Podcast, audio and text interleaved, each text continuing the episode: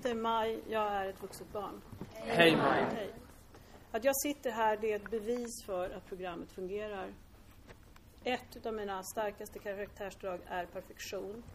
Allt jag gör ska vara perfekt för annars tror jag att jag ska dö. Och jag vet att jag inte kan hålla ett perfekt tal, därför skulle jag låta bli. Jag skulle inte tala. Men jag är så pass mycket mindre perfekt idag så att jag sitter här ändå. Kontroll är mitt andra starka karaktärsdrag. Jag skulle ha skrivit ner varenda ord jag skulle säga och läsa till. Jag har inte gjort det. Jag har skrivit ner många punkter, jag kommer hålla mig till dem. Men jag har inte skrivit ner hela talet. Och jag gör som min sponsor säger i typ allt. Hon sa att jag skulle tala, så jag sitter här. Jag har vuxit upp i ett hem med psykisk misshandel. Min pappa var missbrukare. Min mamma var kraftigt medberoende och förmodligen kärleksberoende, i min pappa. De levde i symbios. Och de isolerade oss barn helt från omvärlden. Jag fick aldrig lära mig hur man levde ute i samhället.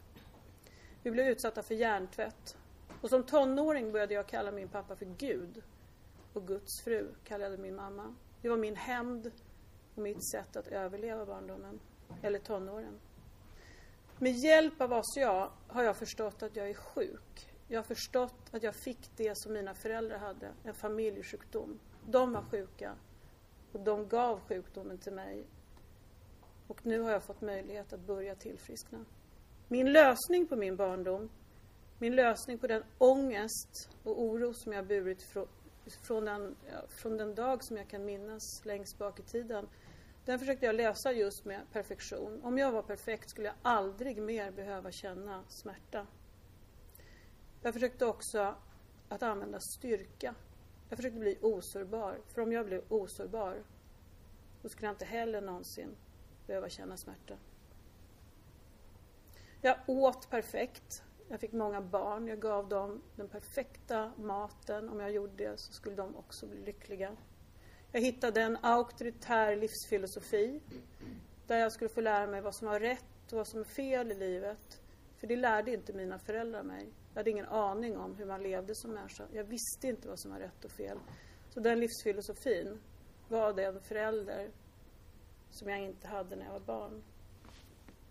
Jag ville verkligen frälsa alla mina barn från den smärta som jag hade fått uppleva som barn. Men jag visste inte att jag var sjuk. Jag visste inte att när man får familjesjukdomen så för man den vidare, vare sig man vill eller inte. Som vuxen så dog jag en liten bit varje dag. Och när jag kom till ACA så var jag helt dränerad. Och jag hade, jag hade en tro på Gud. Jag gick i kyrkan. Jag, jag trodde på en god Gud. Vi tillhörde en församling som hade jättefina präster som också, också talade om en Gud som var god och förlåtande och allt det där. Men min tro på Gud var på något sätt att om jag bara var perfekt i det här livet så skulle jag komma i, efter döden till någonting som var bra. Jag hade ingen som helst förståelse innan jag kom till ACA att Gud verkar i oss varje dag om vi ber om det. Jag dog andligt. Jag höll på att ta livet av mig fysiskt. Och själsligt fanns det nästan ingenting kvar. När jag kom till ACA första gången. Och jag tycker det är så bra det där med att man kravlar in på sitt första ACA-möte. Så var det verkligen för mig. Och när jag satt på den där stolen i Hartwigska rummet första gången och hörde texterna så kände jag i hela min kropp att jag hade kommit hem för första gången i hela mitt liv. Och eftersom det var så lite kvar av mig, men att den här livslågan som vi människor har, den, den flämtar ju tills den dag vi tar vårt sista andetag. Den flämtade. Så jag grep efter programmet. Jag lyssnade noga på vad lösningen var och jag tog en sponsor, jag gick på möten varje dag och jag började med stegen nästan med en gång. Så därför sitter jag här idag. Jag är inte längre död andligt, fysiskt och själsligt. Utan jag håller på att tillfriskna. Sakta men säkert. Så stegen då, vad gör vi? Ja, steg ett och tre. Vi börjar lita på, eller jag började lita på att den här guden som var god ville verka i mitt liv. idag och idag och idag och idag. Jag började lita på att det fanns någon som kunde ge mig förståndet tillbaka. För jag hade ju helt uppenbart inte lyckats få mitt förstånd tillbaka. Hur perfekt jag än var, hur väl jag än hade följt den här äh, disciplinen som jag tillhörde, så var ju mitt liv i ruiner. Min familj var i ruiner. Så jag började lita på. Och steg 4 till 11, där började jag göra rent hus med mitt liv. Vad jag blivit utsatt för och vad jag utsatt andra för. Och steg 12, där började jag hjälpa andra. Och man behöver inte vänta till steg 12 innan man börjar göra service. Det gjorde inte jag heller. Jag började göra service ganska snart. Men hjälpa andra, det är ett väsentligt steg för mig. Att, att komma ut. Jag är en ganska isolerande person. Att, att nå ut, att sträcka mig ut till andra. När jag skulle hålla det här talet och när jag insåg till slut att jag skulle faktiskt sitta här så fick jag väldigt mycket ångest.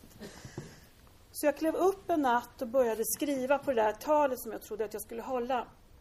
Men jag insåg att jag skulle inte skriva hela talet, men jag skrev en början och jag vill faktiskt läsa det för att det kom på natten och det kom ur mitt hjärta och det handlar om steg fyra. Steg fyra. Vi letar efter det som vi verkligen har varit med om. Det som verkligen hände oss som barn, men också det som vi verkligen har utsatt oss för som vuxna. Vi letar efter hur det verkligen var. Vad vi verkligen har gjort mot oss själva, men också vad vi gjort och utsatt andra för. Och den här gången kommer vi att få stå helt oemotsagda. Det här är vår historia, min berättelse och upplevelse av mitt liv. Det är som att vaska guld. Men istället för att leta efter guld så letar vi efter de stenar som har legat i våra skor i hela vårt liv och som har gjort att varje steg vi har tagit har varit ett steg som har orsakat oss själv smärta. Men vi gör inte det här ensamma. Vi håller oss nära vår högre makt. Vi kommer ihåg att bjuda in Gud hela tiden. Och jag går på möten och jag håller min sponsor i handen. Här, om inte förr i mitt stegarbete, så kunde jag se hur otroligt viktigt det är att vi i ACA verkligen gör stegen så att vi kan föra vidare det vi har fått. Att vi jobbar i steg 12 och sponsrar. Att jag blir en av dem som har gått före och får möjlighet att föra programmet vidare. För jag hade aldrig kunnat göra mitt steg själv utan min sponsor. Så det var vad jag skrev den natten. Jag tycker fortfarande att det är, det är det allra viktigaste i steg fyra för mig på något sätt. Steg fyra är att göra en grundlig och oförskräckt moralisk inventering av oss själva. Och i de andliga principerna i vår röda bok så står det att vi ska ha ärlighet och mod. Ärlighet och mod. De andliga principerna är faktiskt en god hjälp för mig när jag jobbar i, i stegen själv och med mina sponsorer. Vi behöver vara ärliga och vi behöver vara modiga. Vi ska också komma ihåg att vi kan aldrig, jag kan aldrig bli fri från vad jag har gjort eller vad jag har varit med om. Men jag kan få bli fri ifrån skulden och skammen. Jag kan städa upp mitt förflutna. Jag kan söka mitt sanna jag. Jag kan försöka få reda på vad är jag? För jag vet att jag är den ni tror att jag är. Jag vet att jag är den jag tror att jag är. Men i steg fyra, då ska jag försöka hitta mitt sanna inre jag. För det finns ju jättemycket saker som jag har gjort bra. Och det finns saker som jag verkligen skäms för. Och jag har många misslyckanden bakom mig. Och i steg fyra så är jag villig att ta ansvar för allt det här. Allt bra, allt jag skäms för allt som har hänt. Jag tänker också att mina föräldrar, de påverkade mig ofattbart mycket under en väldigt livsavgörande tid i mitt liv. Om vi ser livet som en meter långt så var de kanske den första decimetern. Och det, det, det de gjorde då, det, det, är ju otroligt väsentligt. Alla vet vi ju hur, hur sårbara och hur skapande för resten av livet våra barndomar är. De var en decimeter på den metern, resten var jag och jag fortsatte sen att skada mig varje dag. Så jag har också ansvar för de övergrepp som har skett på mig. Och de övergrepp som jag har gjort på andra. Att jobba i steg fyra och att fortsätta jobba i steg fyra, det är att avslöja. Jag har varit med om väldigt många gånger att minnen som varit fullständigt totalt gömda och bortglömda för mig har kommit upp. Och nu när jag fått jobba i stegen ett tag så har jag verkligen lärt mig att vara tacksam för de här avslöjanden utav smärtsamma saker, pinsamma saker. Utforska dem, verkligen vandra runt i dem, känna på dem. Vad var det som hände? Vad var det som kändes? Och sen lämna över. Eh, för bara en vecka sedan så, så vaknade jag utav ett minne. Utav, det var när jag, när jag var fyra år. Så gick jag i eh, kyrkans förskola. Och för att komma dit så var man tvungen att gå en kilometer ner till tåget, ta tåget en station och sen gå upp till kyrkan. Jag var fyra år och min mamma ansåg sig inte ha tid att gå med mig. Hon följde inte mig till förskolan. Så jag som var fyra år, som inte hade en aning om världen, som inte kunde tänka en tanke själv, för det hade mina föräldrar alltid gjort åt mig. Jag skulle alltså gå den här kilometern. Jag skulle vänta på rätt tåg, åka tåget i rätt riktning, gå av i rätt station, hitta upp till kyrkan, klä av mig och gå in. Och utsätta en fyraåring för det, det, det låter ju helt sinnessjukt verkligen, kan jag känna nu. Och det värsta i den händelsen, det var inte att hitta dit, utan det var att de andra föräldrarna stod och viskade bakom ryggen på mig och sa så här. Tänk, hennes mamma låter henne åka själv. Så jag fick bära min mammas skuld för att inte hon tog hand om mig. Och varför tog inte hon hand om mig? Det måste ju vara för att jag inte var tillräckligt värdefull. Det var en fin minne, ett smärtsamt minne, men ett väldigt, väldigt bra minne för mig. För den berättade mycket om vilken världsbild jag byggde upp när jag var utsatt för sådana saker som barn. Det är ju ingen som utsätter mig för det längre. Så jag kan verkligen lämna över de känslorna nu. Och det är det jag försöker göra när jag jobbar i programmet. När jag jobbar i ACA så har jag gjort ett åtagande och det är att ta hand om mig själv och älska mig själv. Och släppa taget om allt som jag trott varit sant om mig själv. Steg fyra är ingen anklagelseakt. Jag kan omöjligt bli frisk bara genom att anklaga mina hemska föräldrar för deras psykohandlingar mot mig. De var sjuka människor och de fick aldrig tillfälle att tillfriskna. Men genom att undersöka vad som har hänt mig så kan jag få tillgång till min historia och mina erfarenheter kommer att kunna bli min absolut främsta tillgång när jag hjälper andra. Jag bryter nu hur det var. Att inte tala, att inte lita på och inte känna. Jag har börjat tala, jag har börjat lita och jag har börjat känna. Det är vad steg fyra innebär för mig. Steg fem. Jag erkände för Gud, oss själva och en annan människa den exakta innebörden av våra fel. Och här är det ärlighet och tillit som behövs. Jag berättar min historia för första gången och jag försöker ta ansvar. Jag berättar sakligt och skuldfritt om vad som har hänt. Jag försöker fundera ut vad är det jag har gjort för att mitt liv ska bli fullständigt ohanterligt. Jag försöker se var går jag vilse.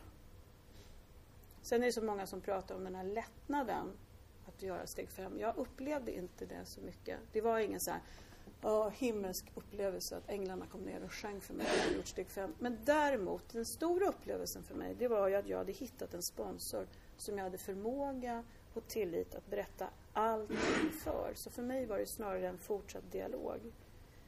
Men jag kan också se att Gud verkar ju genom andra människor. Och jag börjar se, eller tro, att Gud verkar när vi kommer samman. I mötet människa till människa. Det är där Gud kommer in och verkar för oss. Eller vår högre makt, vad ni vill kalla det. Jag kallar det för Gud. Så när jag ringer ut, då blir det ett möte med en annan människa. Och Gud har förmågan att läka mig. När jag går på möte, då kommer jag samman med andra människor. Och när jag öppnar mig i steg fem, då låter jag Gud träda in i min och den jag berättar förs liv. Steg 6. Vi var fullständigt beredda att låta Gud avlägsna alla dessa karaktärsdefekter. Och andlig princip här, det är villighet när jag var igenom, eller jag var inne på mitt andra stegarbete så boken föreslår ju att vi ska göra steg 5, gå hem och sätta oss en timme och göra steg 6 och 7. Jag har aldrig gjort steg 6 och 7 på det sättet. Jag har däremot hamnat i steg 6 och 7 i veckor. Utav praktiska anledningar har det blivit så. Så jag har våndats i steg 6 och 7.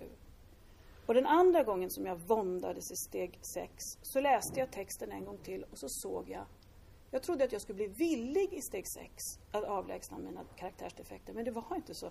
Jag skulle bli beredd. Och det är en väldigt stor skillnad för mig.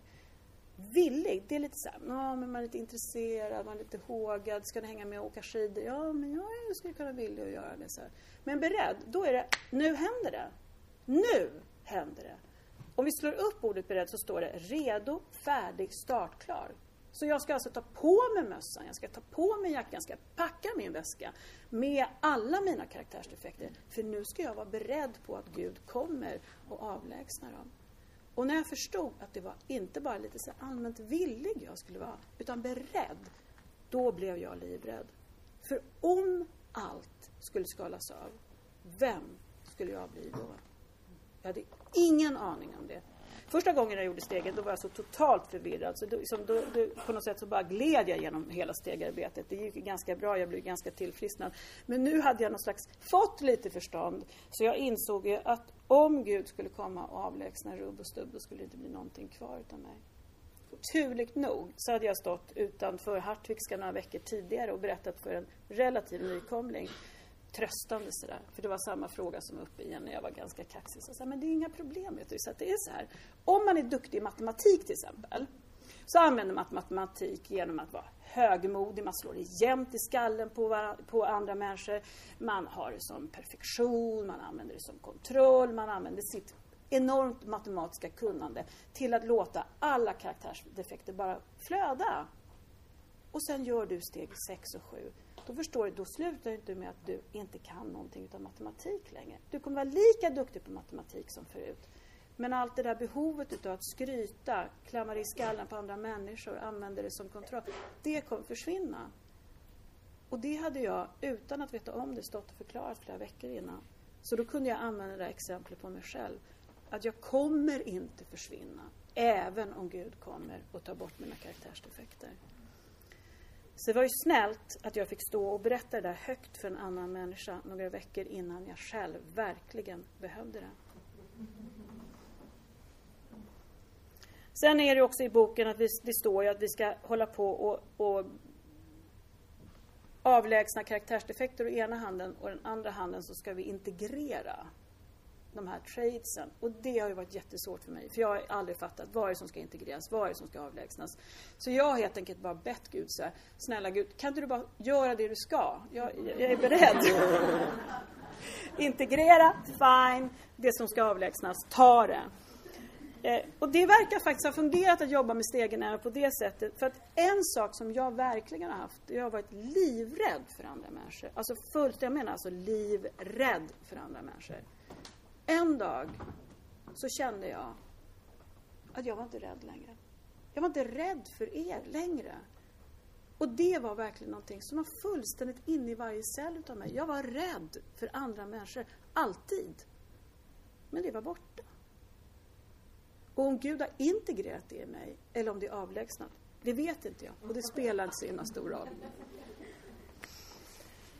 Eh, Inför det här talet så satt jag också och tänkte på de här tradesen igen. Då. och jag kan ju verkligen bocka av alla 13. Men jag kunde inte bocka av det här prokrastinera, för det gör inte jag. Jag är en riktig, riktig doer. Jag är jämt liksom så här. Jag gör allting, jag föder barn, jag bygger hus, ring mig om ni behöver extra hjälp, det är inga problem. Jag verkligen gör. Men när jag verkligen kände in det här med prokrastinera så insåg jag så här, ja men jag har ju prokrastinerat hela mitt liv. Jag har prokrastinerat hela mitt liv. Jag satte mitt liv på vänt. I väntan på att jag skulle bli perfekt. I väntan på att huset skulle bli byggt. I väntan på att allt utanför mig skulle ske. När det var klart, då skulle jag börja leva. Men i mitt tillfrisknande så känner jag att jag börjar faktiskt leva lite grann. Jag har slutat att prokrastinera livet. Men det är också så att, som alla karaktärsdefekter, de kommer tillbaka. Och så får jag gå ut igen och verkligen ta reda på, vad vill jag? Vill jag bygga ett hus? Eller vill jag sitta still på en stol och bara tänka? Som sagt, 6-7 har varit fantastiskt smärtsamt för mig att göra. Och det står så väldigt fint i vår röda bok att när ni är i den här processen så håll dig nära mötena. Håll dig nära Gud. För jag har upplevt enorm sorg. Och jag har varit tvungen att acceptera min levnadshistoria. Och någonting som har varit nästan allra mest smärtsamt, jag har varit tvungen att acceptera den som jag har blivit. Den där operfekta, ganska hopplösa typen som gav sjukdomen till alla mina sju barn. Det är ju en enorm sorg i att tro att man först ska leva ett bra liv och sen inse att nej, det blev inte så. Och till slut blev min smärta så gigantiskt stor så jag blev mer än beredd att låta Gud komma och verka i mig. Jag blev så beredd i den här smärtan så jag var villig att säga till Gud, ta allt. Jag vill bara att du vägleder mig igenom livet. Och det förde mig till steg sju. Där jag ber ödmjukt Gud avlägsna våra brister. Och där är den andliga principen ödmjukhet.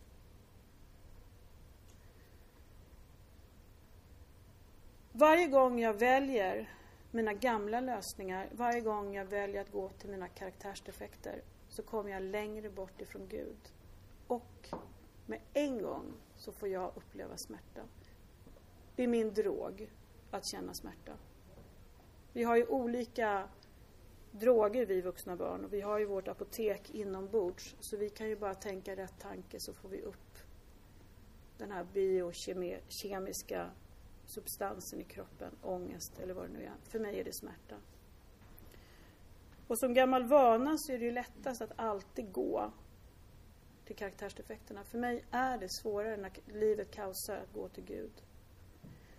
Och där märker jag också, kanske tack vare mitt tillfrisknande, men jag märker så himla tydligt att vår sjukdom är progressiv, den blir inte bättre. Jag är kroniskt sjuk i den här sjukdomen.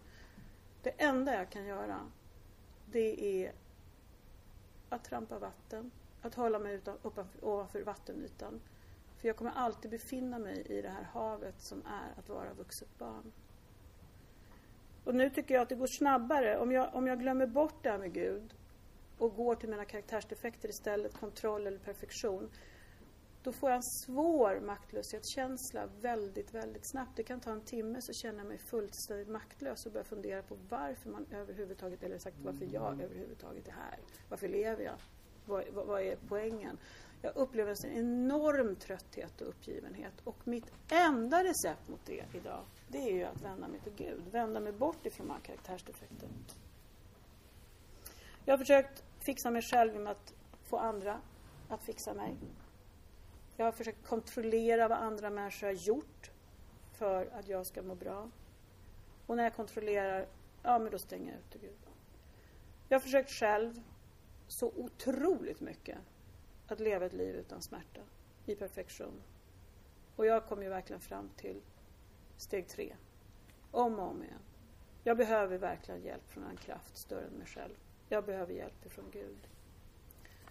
Och i steg sex och i steg sju, då knådar Gud mig till villighet. Jag är en väldigt envis typ. Och jag tror att jag är mer den här typen som inte behöver snubbla falla. Utan jag får, behöver få en atombomb i ansiktet för att kapitulera. Så när det välvts i de här stegen 6 och 7 så till slut så ödmjukade jag mig så mycket så att jag föll på knä med en lång lista i handen och bad. Gud, jag ber ödmjukast att du ska befria mig ifrån mitt behov att kontrollera allt och alla. För att jag bättre ska kunna tjäna dig och mina medmänniskor. Kontroll är mitt största. Men sen så bad jag bönen för varje karaktärsdrag som jag har kunnat hitta Varje sak som får mig att få ett liv som är ohanterligt och fyllt med smärta. Jag har också alltid sagt att jag är en känslomänniska, som det bara poppar i mig. Så jag känner som en popcornmaskin. Smärta, glädje, rädsla, ångest, eh, glad, energi, ba, ba, ba, ba, ba. Men om jag tittar på den nu så är där, det är ju inte alls att känna några känslor. Puff, puff, puff, puff. Ja, men man hinner inte känna en känsla på det sättet. Det var mitt sätt att stänga av känslor. Jag vet andra vuxna barn som har stängt av sina känslor så mycket så att de inte kan känna hunger eller trötthet eller någonting. Många vuxna barn brukar ju säga att de känner två känslor. Det brukar vara ganska vanligt. Jag kände alla känslor, sa jag. Men det var inte sant. Jag hann ju inte känna en enda känsla för de kom ju så snabbt. Men den här gången i steg sju så var det som om någon, och jag vet vem, drog ut sladden på den där popcornmaskinen. Och det steg upp en känsla i taget. Jag kunde känna ofattbar sorg i tre dagar. Jag kunde känna ofattbar rädsla i en dag. Och det var första gången i mitt liv, insåg jag, att jag var kvar och kände en känsla. För förut var mina, alltså jag har ju så mycket trauman i mig. Så mina känslor är ju enorma. Jag höll ju faktiskt på att inte överleva min barndom. Så starkt så ont gjorde det. Så det är klart att jag inte kunde släppa fram känslor mer än ett popcorn. Men nu i mitt tillfrisknande har jag fått en förmåga att faktiskt känna känslor. Så det måste ju eventuellt betyda att min sanna identitet börjar sakta växa fram. Jag har skrivit så här, att jobba i programmet, det är att växa andligt. Och det är att överge min självcentrering. Och det är att tjäna Gud och mina medmänniskor. Och när jag tjänar min högre kraft, jag försöker följa min högre krafts vilja med mitt liv. Och jag försöker vara en god medmänniska. Jag försöker verkligen tänka på andra istället för mig själv. Då blir jag fri. För man kan tycka att det är så här självutplånande. Nunna, det är så här supersjälvutplånande. Att vara så där helig, det är super... Men det är inte att vara självutplånande. För när jag är i mina karaktärsdefekter, när jag mår så där uselt dåligt, det enda jag kan tänka på, det är jag, jag och jag. Och jag lever överhuvudtaget inte då. Men jag kan lyckas komma ut med en självcentrering och då verkar det så här, som Gud tycker så här. Hjälp andra, möt andra, för då blir du människa. Det är i mötet med andra människor som jag får bli människa. Och det funkar. Jag mår jätte, jätte, jättedåligt så ringer en sponsor. Och så får jag liksom hoppa ut och så får sitta där och tjäna. Och då blir jag frisk i 15 minuter. Och då är det jättesvårt för mig att gå in i den där jättesjälvcentreringen, jag mår så dåligt. Så att, mm, det finns en del sådär fina andliga upplevelser som jag har fått i det här programmet. Så min uppmaning till mig själv när jag hamnar i mina karaktärsdefekter det är att vara i steg sju. Be Gud ödmjukast alltså att befria mig ifrån mitt behov att kontrollera andra. Jag ringer ut och berättar om det här. Och mitt liv blir lättare. Jag får mer tillgång till livsglädje och jag kan göra trevliga saker istället för att sitta på min kammare och må jättedåligt.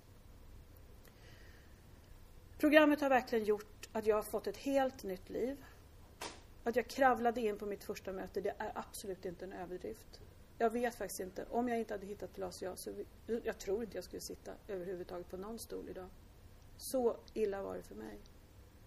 Så för mig gäller det att vara väldigt nära programmet. Och det kan jag tycka är en fördel med att vara lite äldre, eller ha levt väldigt tragiskt.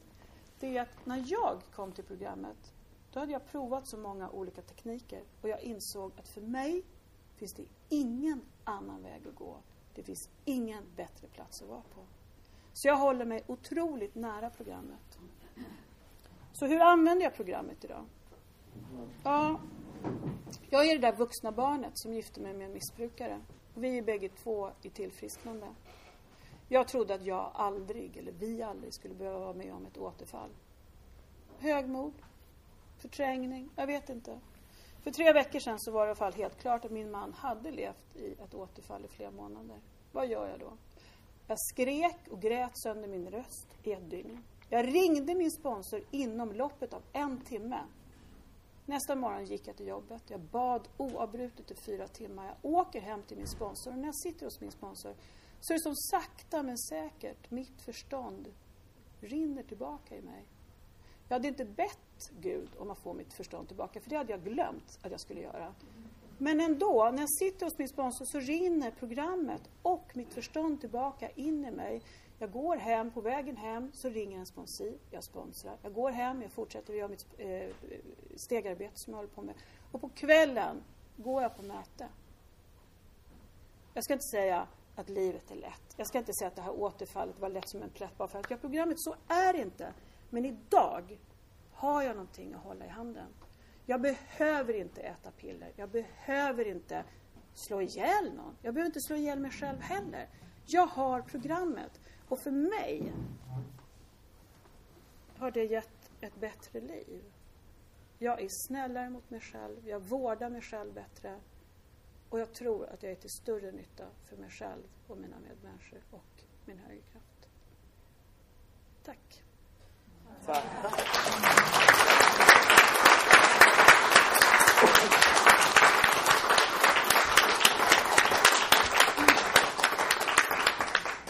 Tack Maj. Eh, nu är det ungefär 15 minuter kvar av mötet och vi öppnar upp för frågor. Så det är bara att sträcka upp handen om du har en fråga. Till Maj. Till mig.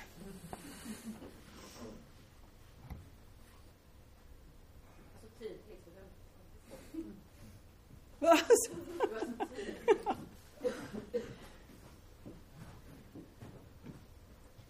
ja. Ja, hej Rosanna. Tack för din tal. Det var jättefint. Att, är det inte så att Gud, att man måste vänta ibland också, invänta för att få en effekt liksom. Det är svårt att bestämma att det ska eh, göra stegen och så ska det och det hända ibland jag har den erfarenheten att jag har varit med länge i programmet utan att det hände så mycket. Där jag gjorde stegen och. Så det är inte så att man ska vänta in Gud lite också? Vad tror du om det?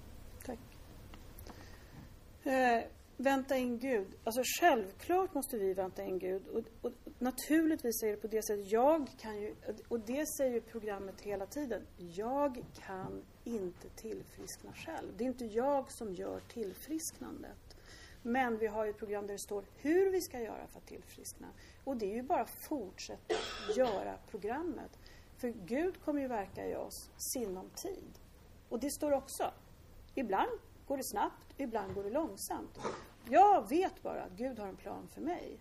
Men jag kan aldrig forcera och, och, säga till Gud, nu ska det gå snabbt, nu ska jag bli av. Jag menar, jag vet inte hur länge jag ska behöva bära min smärta. Det, det är upp till Gud. Men vad jag vet att jag kan göra, det är att göra programmet. Så det, det, det är mitt... Det, som, jag skulle säga att Gud har sträckt ut en hand till mig och det hette ACA. Och jag går med Gud och håller honom i handen, eller henne. Och det kommer, det kommer ta den tid det tar. Jag kanske kommer aldrig bli fri från min smärta. Det vet bara Gud. Så jag, nej, vi kan inte använda kontroll i programmet. Absolut inte. Men vi kan göra det som programmet föreslår. Så tänker jag. Tack. Ja. ja. Eh, fjärde steget är ju, eh, var ju för mig tyckte det var jobbigt. Vad har du att säga om det? Jag vet att du tog upp det i ditt jättefina tal här. Men, men kan du berätta lite mer hur det var för dig? Mm, tack. Eh, hur var det för mig att göra steg fyra? Eh, jag gjorde steg fyra i den orangea boken.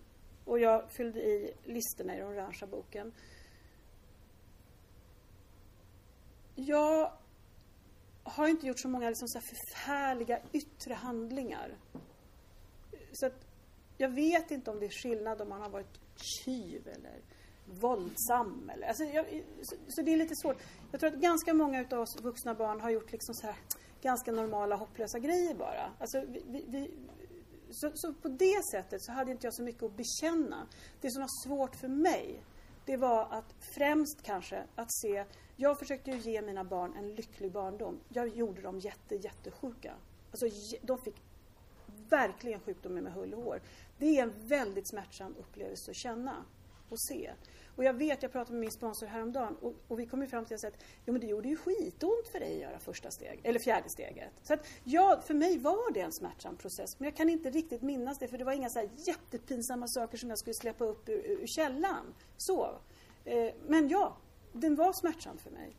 En sak som jag gjorde eh, med hjälp av min sponsor som jag tyckte var superbra, som jag kan tillägga, det är att i, i Stora boken, A Stora bok, där har ju de en rädslista, en harmlista och en sexlista.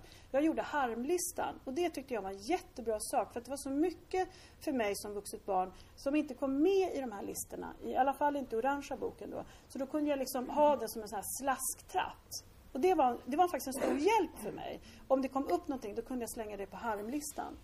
Så att Ja, om det är något slags svar på din fråga.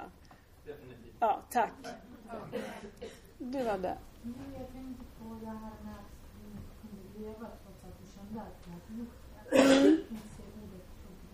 Nej, progressiv betyder att man skjuter upp. Ja.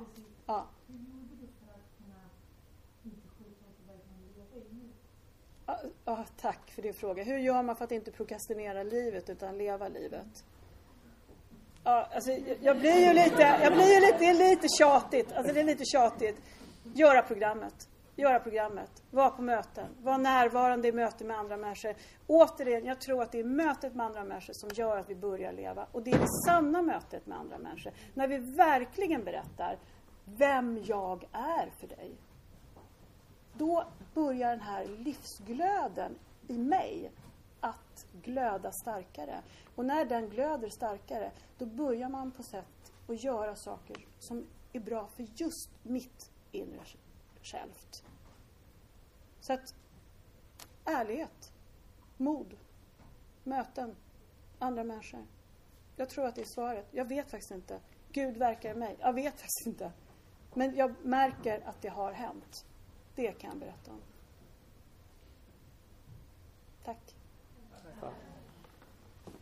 Ja, Hans. Hej Hans.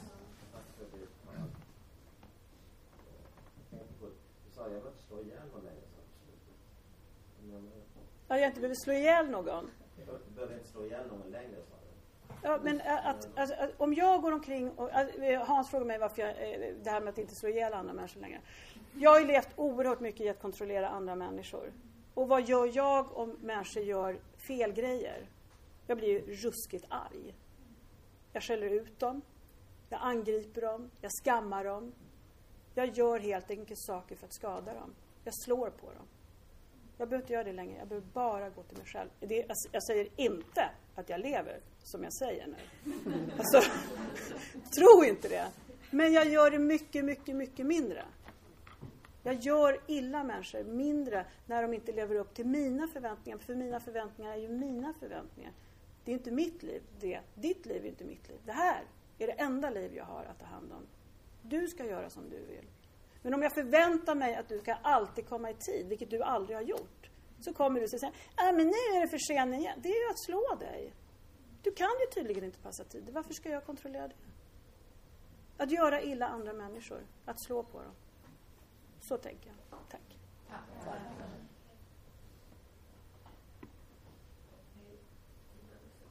Hej Tina.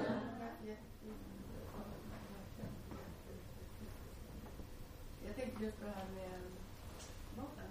Mm. Jag tänkte på, upplevs det som egoism att vi gör den här resan? Eller hur connectar hur, Ja, tillfriskna. hur märker de Mm. tillfrisknarna eller blir det, blir det att de upplever kanske att du är egoistisk, tänker på sig själv? Mm. En fråga om hur våra vuxna barn upplever att eh, jag tillfrisknar. Eh, jag är tvungen att ta en bild till hjälp. Det är så här, vi dysfunktionella familjer, vi är som en mobil, inte en telefon, utan sådana som hänger i taket som man tittar på. Och när familjen är sjuk, då hänger den med alla trådar ner till alla personer som deltar i familjen. Väljer någon i familjen att börja tillfriskna, då klipper man av tråden och då faller den människan ur mobilen. Och då hamnar mobilen, familjemobilen, i icke jämviktläge. De som är kvar i mobilen kommer alltid vilja försöka få tillbaka jämvikten. Och då kommer det anklagelser om själviskhet. Det kommer anklagelser. Vi har en, en, min äldsta son har brutit kontakten med mig, vill överhuvudtaget inte ha kontakt med mig Sen tio månader tillbaka. De andra känner inte igen mig, deras mamma är borta. För de har inte kommit in i tillfrisknande. Så länge de inte gör det så kommer vi ha en väldigt svår situation. En smärtsam situation. Så ja, jag får alla anklagelser. Egoism, jag har övergivit dem. Eh, ja, så, ja, så blir det. Och det enda jag kan göra det är att tillfriskna och hålla mötena varma. Så tack för att vi har möten så att våra barn kan få komma till dem. Är det svar på din fråga eller? Ja, tack. Mm. Tack. Ja, hej. Hej Josh. Tack för det. Det var jättebra. Jag, jag undrade eh, hur man kommer förbi den här rädslan att gå in i uh, det förflutna. Liksom. Det, de svåra tiderna som jag inte har varit titta på. Uh, för att jag är så rädd för att jag kommer inte klara det. Mm. Hur gjorde du för att komma in? Mm. Tack för frågan. Frågan är hur gör man för att våga gå in i, i, i, ja, i, i minnena som man ganska säkert vet är väldigt smärtsamma. Alltså, dels så har Stora boken ett väldigt gott råd. Det är håll dig nära Gud, eller det som du definierar som Gud. Håll dig nära mötena. Håll dig nära din sponsor, dina programvänner. Och jag antar, be om mod. För mig var det ganska lätt. Mitt liv var så kraschat. Jag hade liksom ingenting kvar. Så kom någon och sa så här, det finns en lösning. Ja tack, jag tog den. Så då var lösningen, den var ändå trots allt mindre smärtsam än det jag kom ifrån. Så återigen, jag kan vara lite tacksam för att jag var så kraschad när jag kom. Så allting har varit bättre till och med att titta på smärtan. Och sen också att titta på de som har gått före. Jag satt ju på mötena och så sitter folk där och säger så här. Ja, jag mår så himla bra nu. Nu ska jag ut och springa. Eller jag hade det så här och så här. Och nu, alltså, det, det är också så att jag, det, det, det är så generöst. Folk sitter ju där och mår bra. Det är bättre reklam än så kan det inte finnas. Så för mig var det att stoppa tån i rädslans vatten. Det var inte så svårt. Så, så fatta mod. Eh, knyt kontakter. Gå på möten. Tack. Tack.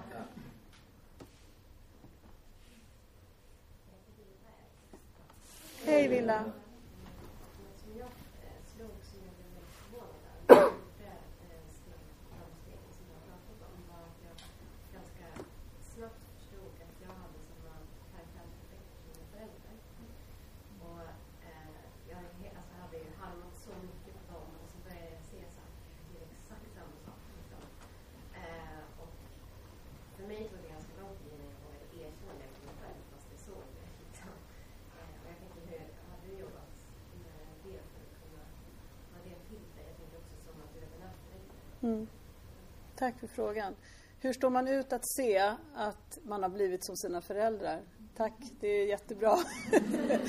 och det är kul för Tony M som, som eh, var en av grundarna till eh, ACA, han skrev ju eh, en inventerings, alltså, eh, steglista själv. Och då var fjärde steget låter ungefär så här. Vi gör en, eh, man gör en eh, steg på sina föräldrar. Vi gör en ärlig och oförskräckt rannsakan av våra föräldrar och inser att vi har blivit som dem. Det är helt fantastiskt.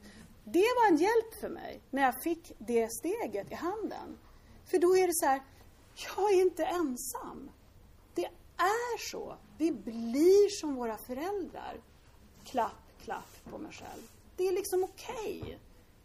En fördel är då kan vi titta på våra föräldrar och säga så här, oh jösses, kontroll. Ja, det kanske jag också har fått. Så att vi kan använda dem som inventeringsmaterial. Va? Så att, nej, det är inte jättekul. Nej, och det var också ett jättebra exempel. Mina föräldrar var superrigida borgare, jag är uppväxt på Lidingö. Jag skulle inte bli som dem. Så jag blev istället hippie, uppfostrade, födde mina barn hemma, hade tygblöjor och gjorde exakt som dem. Jag blev precis lika fyrkantig fastän på en annan avdelning utav att vara människa.